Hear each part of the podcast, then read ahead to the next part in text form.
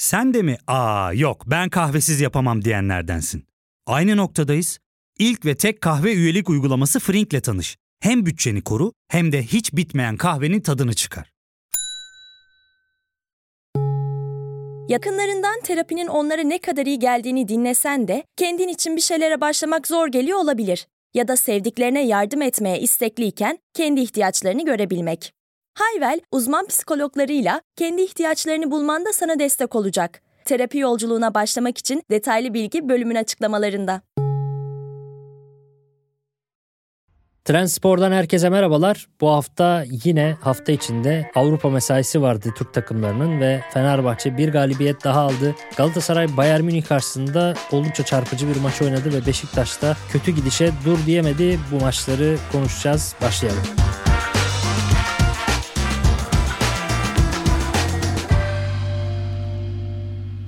Öncelikle Galatasaray Bayern Münih maçını konuşalım. Çünkü çok fazla görebildiğimiz bir şey değildi. Hatta Türk futbol tarihi açısından ilk bile denebilir birçok açıdan. Galatasaray çok çarpıcı bir 60 dakika oynadı. Rakibine karşı çok sayıda şut attı, çok sayıda pozisyon buldu ve birçok açıklama da Bayern Münih'in dahi böyle bir şey beklemediği yönünde. Bayern Münih'in yöneticileri var ilk 70 dakika sonunda bir biri verseler kabul ederdik gibi açıklamalar yapabiliyorlar. Bunlardan bir tanesi Bayern Münih yöneticisi Jean Christian Dresen. 70 dakika sonunda tribünde birbirimize baktık evimize bir dönsek mutlu olacağız dedik şeklinde bir açıklamada bulundu. Şimdi bu maçla ilgili yansımalara ve istatistiklere bakmak lazım. Mesela çok çarpıcı bir istatistik. Opta'nın biliyorsunuz Türkiye'de en popüler futbol istatistik sayfalarından bir tanesi 2003-2004'ten bu yana Şampiyonlar Ligi ile ilgili istatistikleri topluyorlar. Yani 19 sezondur neredeyse 20 yıldır bu istatistikleri topluyorlar ve ilk kez Bayern Münih'e bu kadar çok şut çeken, ilk yarıda bu kadar şut çeken bir takım oldu Galatasaray 20 yıldır neredeyse Bayern Münih'i ilk 45 dakikada en zorlayan takım oldu. Buna yakın bir performans Real Madrid'de var. Real Madrid Nisan 2017'de Bayern Münih kalesine 30 tane şut atmış 90 dakikada. Galatasaray ise 90 dakikayı 20 şutla tamamladı. Yani ilk yarıda çok dominanttı. 60'tan sonra biliyorsunuz yorgunluklar baş gösterdi ve 60'tan sonra Bayern Münih'in attığı 2 golle sahadan 3-1 mağlup ayrıldı temsilcimiz. Mauro Icardi'nin golü sonrasında da yapılan desibel ölçümünde 131.1 desibellik bir sonuç alınmış. Bu da en yüksek tribün desibel ortalamalarından bir tanesi. Gerçekten çok çarpıcıydı.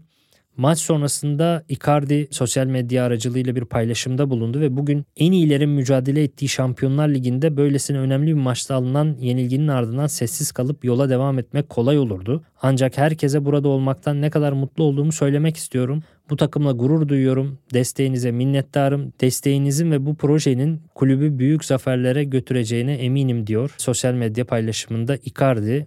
Harry Kane'in açıklaması var. Yine Galatasaray'ın stadında oynamak çok zor maçtan sonra yavaş yavaş yeniden duymaya başladım gibi açıklaması var. Thomas Tuchel'in Galatasaray bizi oldukça zorladı. İnanılmaz bir taraftar temposu altında maçı sürdürdük diyor. İlk 60 dakika gerçekten çok zorlandık diyor. Musiala'nın yine benzer bir açıklaması var. Harika bir atmosfer vardı. Taraftarın önünde oynamak gerçekten keyifliydi diyor böyle bir taraftar karşısında oynamak atmosfer nedeniyle bu maçı uzun süre hatırlayacağım diyor. Genel olarak bu şekilde yorumlar vardı. Okan Buruk da maç sonrasında konuştu ve 60. dakikadan sonra yapmadığı oyuncu değişiklikleriyle ilgili eleştirildi biliyorsunuz. O eleştirilerle ilgili de şöyle dedi Okan Buruk. Tabii ki biz bir şey aksadığını gördüğümüz için 3 tane oyuncuyu kenara getirmiştik. Onları da oyuna sokacaktık zaten.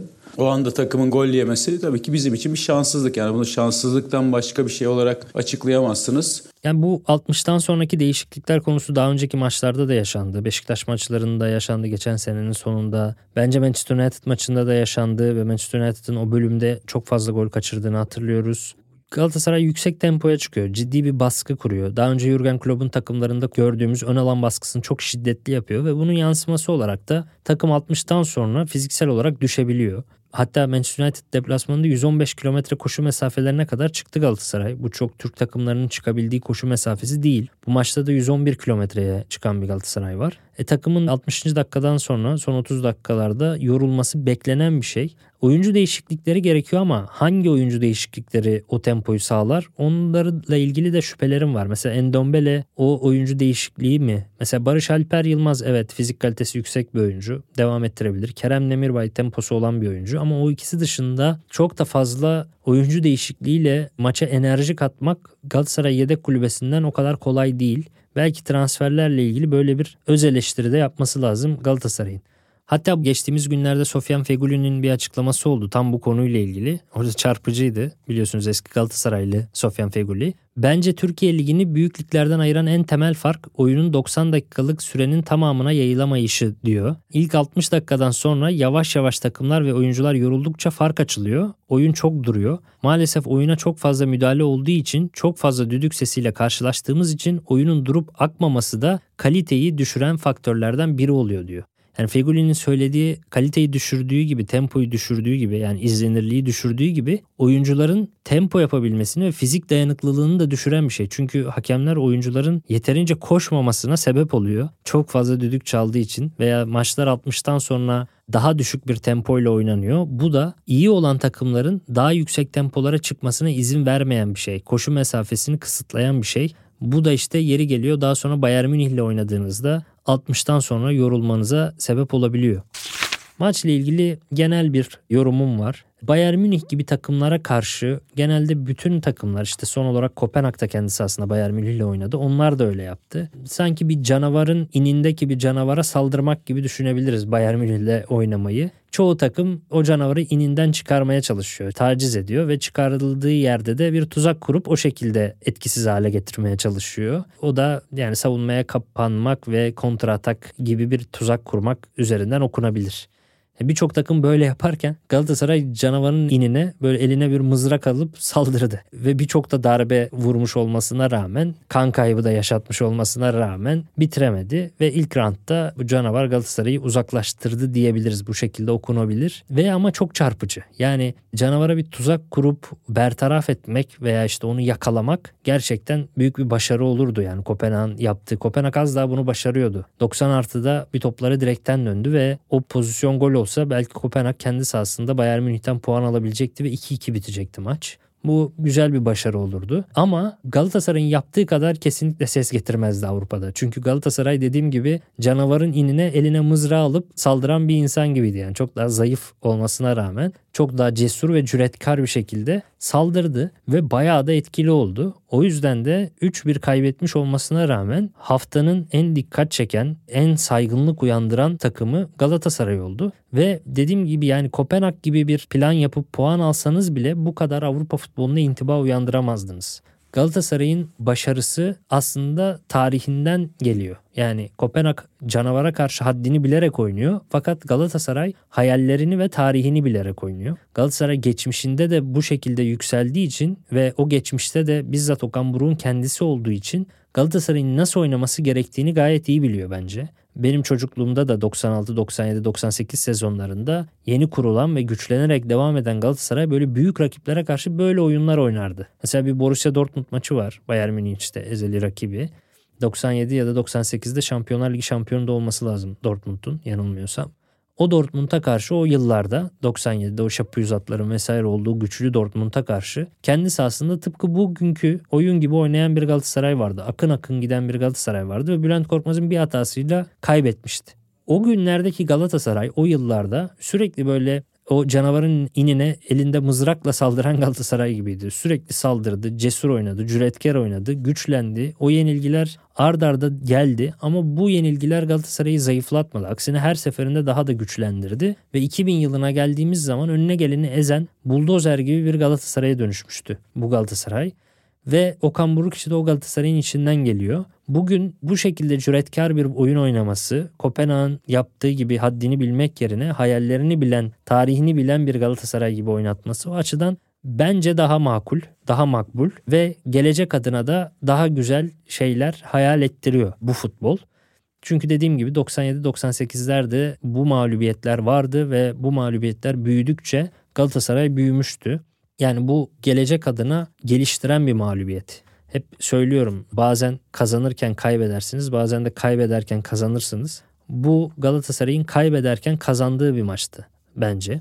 Açıkçası ben bu oyuna dönüşün yani Galatasaray'ın tarihine dönüşünün daha önce tekrar Fatih Terim tarafından yapılmasını bekliyordum. Yani 2018-2019 sezonlarında Galatasaray ardarda arda iki defa şampiyon olmuştu ve işte Şampiyonlar Ligi'nde oynamaya hak kazanmıştı. O dönemde tekrar bu baskılı, coşkulu futbola Galatasaray'ın geri döneceğini, eski işte kimliğini hatırlayacağını düşünüyordum. Fakat tam tersi Fatih Hoca o dönem oynadığı futbolun aksine çok daha fazla topa sahip olma oyunu oynatmıştı. Hatırlarsınız işte Enzonzi'leri, serileri aldığı dönemler ve Galatasaray'ın çok daha zayıf Şampiyonlar Ligi gruplarında dahi başarısız olduğunu hatırlıyoruz. İşte Schalke'li, Porto'lu, Lokomotiv Moskovalı grupta Galatasaray zar zor üçüncü olabilmişti. Daha sonraki Paris Saint Germain ve Real Madrid'li grupta da Kulüp Brugge'ün de olduğu o grupta da ancak sonuncu olabilmişti. Hatta bir tane golü de Adem Büyük atmıştı. Son maçta atmıştı. Mesela o dönemlerde Galatasaray eski baskılı presli futboluna biraz sırt çevirmiş gibiydi. O futbolu hiç tercih etmiyordu. Aslında Galatasaray, Fenerbahçe gibi takımların bu kadar yüksek şiddetle taraftarını doldurabilen ve arkasını alabilen takımların bu tip baskı futbolunda daha avantajlı çıkabildiğini düşünüyorum. Sakin, sabırlı futboldansa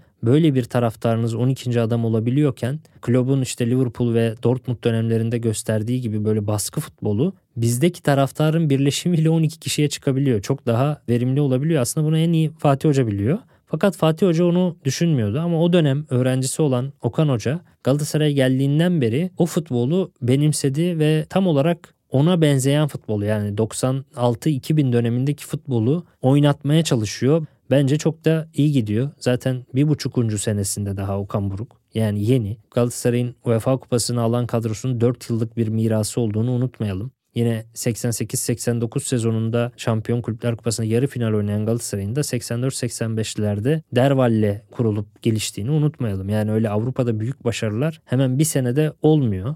Yani Zico'nun 2008 başarısı bile aslında Daum'la 2003'lerden 2002'lerden gelen bir şey kadro güçlenerek geliyor.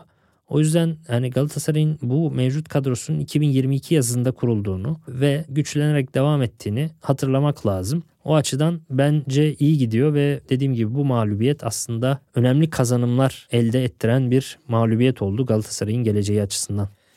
Burada bölüme bir ara verelim. Döndüğümüzde Fenerbahçe ve Beşiktaş'la devam edeceğiz. Ya fark ettin mi? Biz en çok kahveye para harcıyoruz. Yok abi, bundan sonra günde bir. Aa, sen Frink kullanmıyor musun? Nasıl yani? Yani kahvenden kısmına gerek yok. Frink'e üye olursan aylık sadece 1200 TL'ye istediğin çeşit kahveyi istediğin kadar içebilirsin. Günlük 40 TL'ye sınırsız kahve mi yani? Çok iyiymiş. Aynen. Hatta şu anda 200 TL'lik bir indirim kodu da var. E hadi hemen indirip üye ol da bu fırsatı kaçırma. Terapiye başlamak, içinden çıkamadığın döngüleri kırmak, bazı yanlış bulduğun kararlarını değiştirmek ve kendinle beraber daha huzurlu bir yaşam inşa etmek için atabileceğin en değerli adımlardan biri. Hayvel ile yoğun yaşam tempona uyum sağlayarak online terapi seanslarını takvimine göre ayarlayabilirsin. Bini aşkın uzmandan sana en uygun terapisti seçebilir, podb10 koduyla indirimden yararlanabilirsin. Detaylı bilgi açıklamalardaki bağlantıda. Fenerbahçe kendi sahasında Ludogorets'i de 3-1 yendi ve bu sezon oynadığı 18. resmi maçını da galibiyetle tamamlamış oldu. İnanılmaz bir sayı bu tabii ki.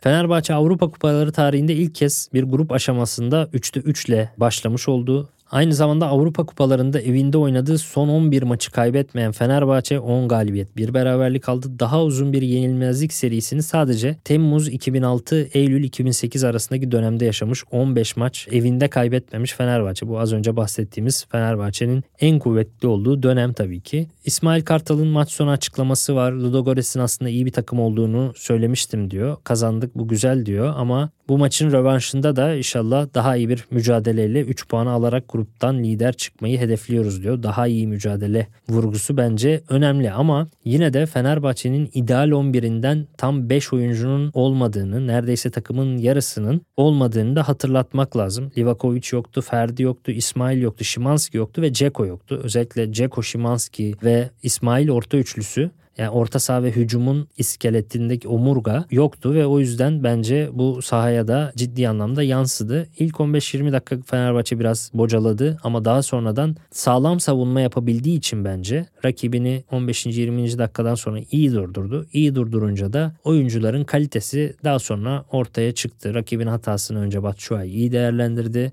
İkinci yarıda da oyuncu kalitesiyle Fenerbahçe kazanmış oldu. İyi savunma yapınca zaten bir şekilde ikinci yarıda vesaire o gollerin geleceği bence ortadaydı. İsmail Hoca da bence bunu hedefledi. Önce savunmayı sağlam yapalım. Ciku, Bekao oynasın rakibi durduralım, hücumu her türlü yaparız gibi düşündü bence ve bu düşündüğü de oldu. Fakat Ciku maçtan sonra biraz ağrılarla çıkmış ve durumu henüz belli değil. Pendik maçında oynayıp oynamayacağı daha sonra belli olacak. Bu arada İngiliz basında Daily Mail'de bir haber gördüm Fenerbahçe ile ilgili. O da ilginç bir haberdi.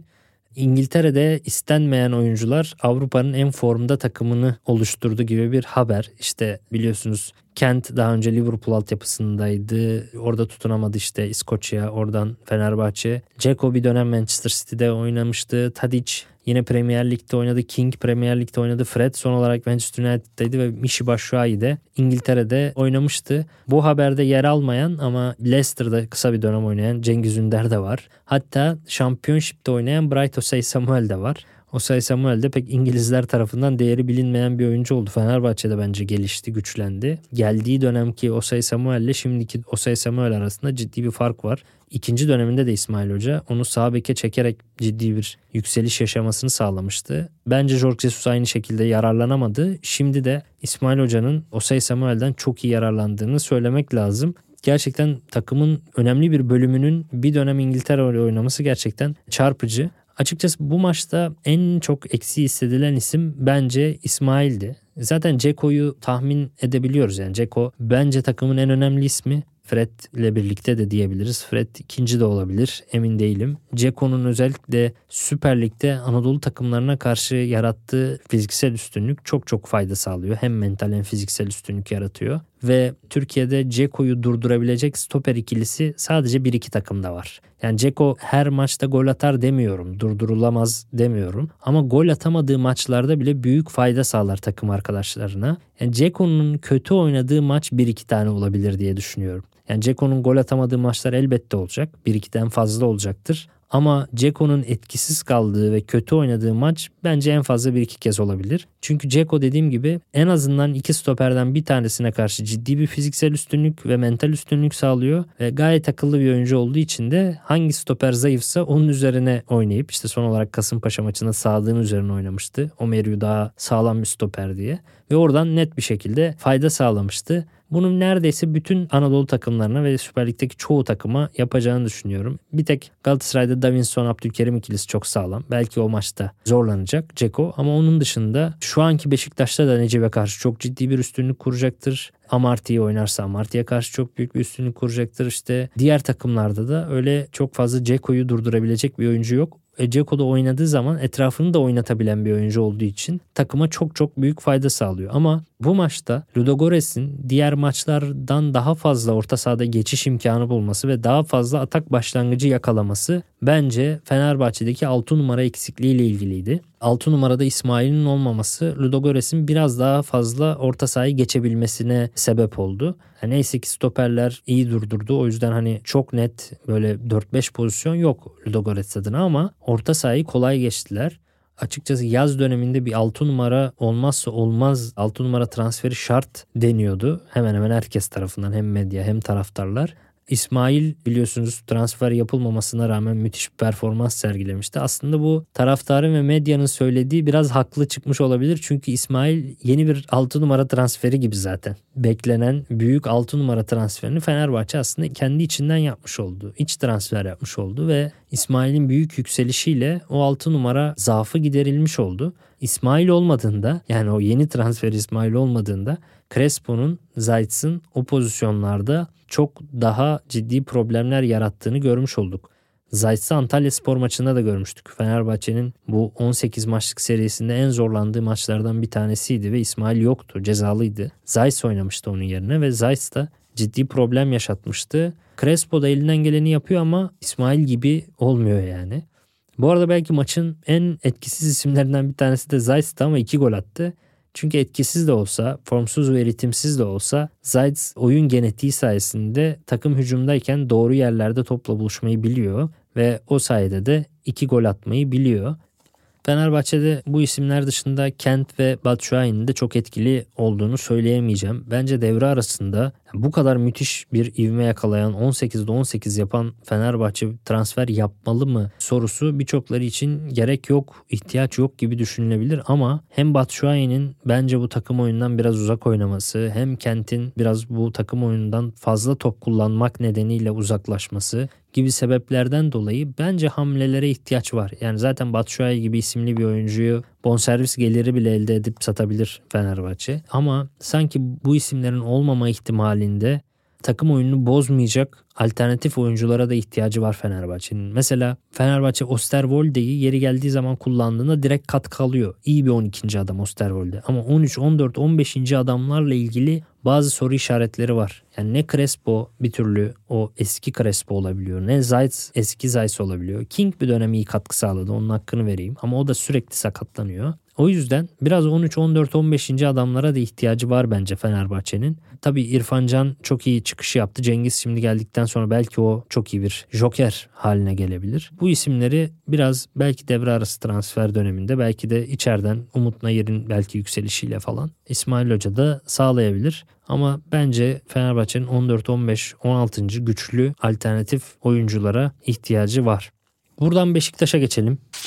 Beşiktaş'ın ard arda ikinci mağlubiyeti oldu Burak Yılmaz'la ve işler gerçekten çok kötü gidiyor. Bence Beşiktaş'ın oyununu ve sıkıntılarını anlatan en iyi istatistik ilk yarıda.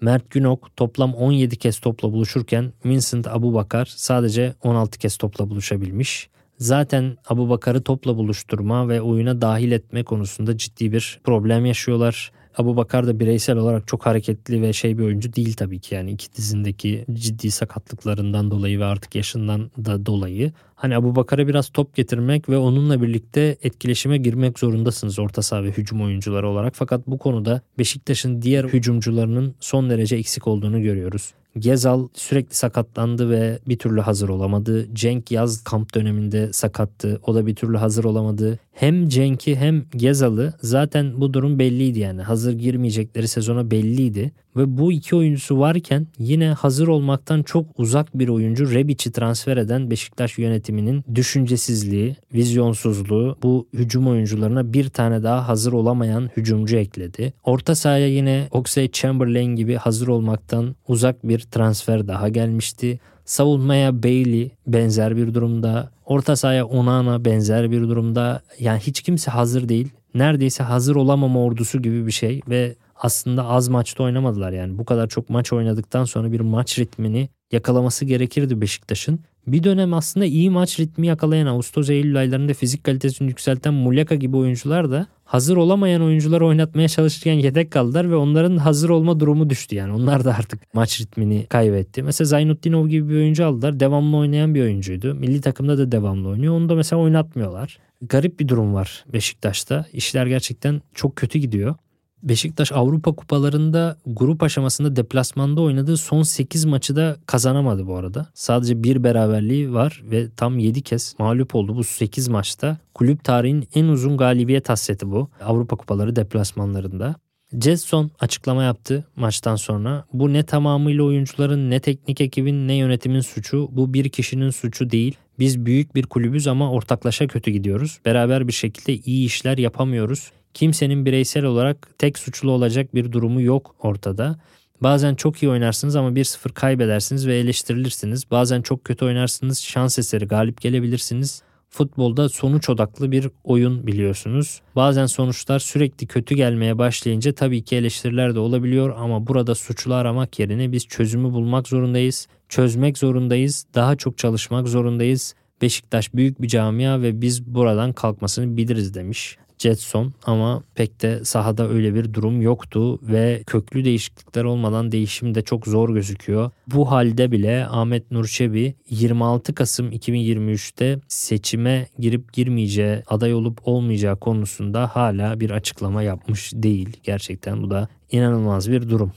Beşiktaş'la ilgili daha fazla söylenebilecek bir şey de yok açıkçası. Tabii ki var. Mesela ben Masuaku'nun performansında düşük olduğunu düşünüyorum. Necip'in de bir etki edemediğini, kolay rakiplerini markete edemediğini düşünüyorum ama böyle bireysel performans analizi yapılacak durumda değil Beşiktaş. Yani Beşiktaş için çok daha köklü ve değişim gereken sorunlar mevcut. Şu anda minör değişikliklerle çözülebilecek bir durumda değiller. Onun artık yönetimin değişmesiyle, yeni teknik adamın bakacağı süreçlerle ilgili olacağını düşünüyorum ve sezonun daha henüz ilk aşamasında Beşiktaş'ın bu sezonu kaybettiğini görüyoruz. Ama sezonu kaybetmek gelecek sezonlar için de olabildiğince sağlıklı kaybedilmesi gereken bir süreç. Yani Beşiktaş olabildiğince Avrupa'dan puan toplamalı, ligde olabildiğince yerini üst sıralarda tutmalı ve gelecek sezona da o şekilde rekabetçi bir şekilde hazır olmalı. Mesela Trabzonspor şampiyon olmadan bir sezon önce de Eddie Newton'ın ardından yarıştan kopmuştu. Fakat Abdullah Avcı erken dönemde Newton yerine göreve gelmiş. Takımı tekrar yarışçı bir hale sokmuş. Tekrar geliştirmiş ve sezon olabildiğince iyi bir yerde bitirip gelecek sezon şampiyon olduğu Trabzonspor'un sezonda da sağlam bir şekilde performansını devam ettirmişti. Beşiktaş için o yüzden hani bu sezon bitirelim gelecek sezon yaz aylarında bakarız denecek bir durumda yok. Yani bir an önce bu seçimin yapılması, bir an önce gelecek sezonda bu takımı çalıştıracak teknik direktörün göreve gelmesi Beşiktaş'ın gelecek senesi için de son derece önemli. Durum buyken Ahmet Nur Çebi'nin hala başkan adayı olup olmayacağını açıklamaması ve seçimin olabildiğince geç bir tarihte yapılıyor olması Beşiktaş'ın geleceğine de bir ihanet bence. Bir an önce Beşiktaş bu durumla ilgili reaksiyon almak zorunda diyorum ve bu haftayı da böyle kapatıyoruz. Önümüzdeki günlerde tekrar karşınızda olacağım. Dinlediğiniz için teşekkürler. Görüşmek üzere. Hoşçakalın.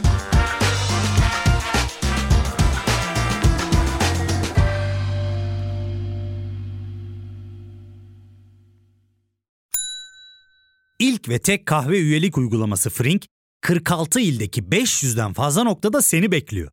Açıklamadaki kodu girerek sana özel 200 TL'lik indirimden faydalanmayı unutma. Hadi sen de Frink üyeliğini başlat, kahven hiç bitmesin. Hem bugününe hem yarınına katacaklarıyla terapi yolculuğuna ve daha iyi hissetmeye bugün Hayvel ile başla. Açıklamadaki linkten Hayvel'i indir, ücretsiz tanışma görüşmelerinin ardından bütçene uygun seans paketini seç ve terapi yolculuğuna başla.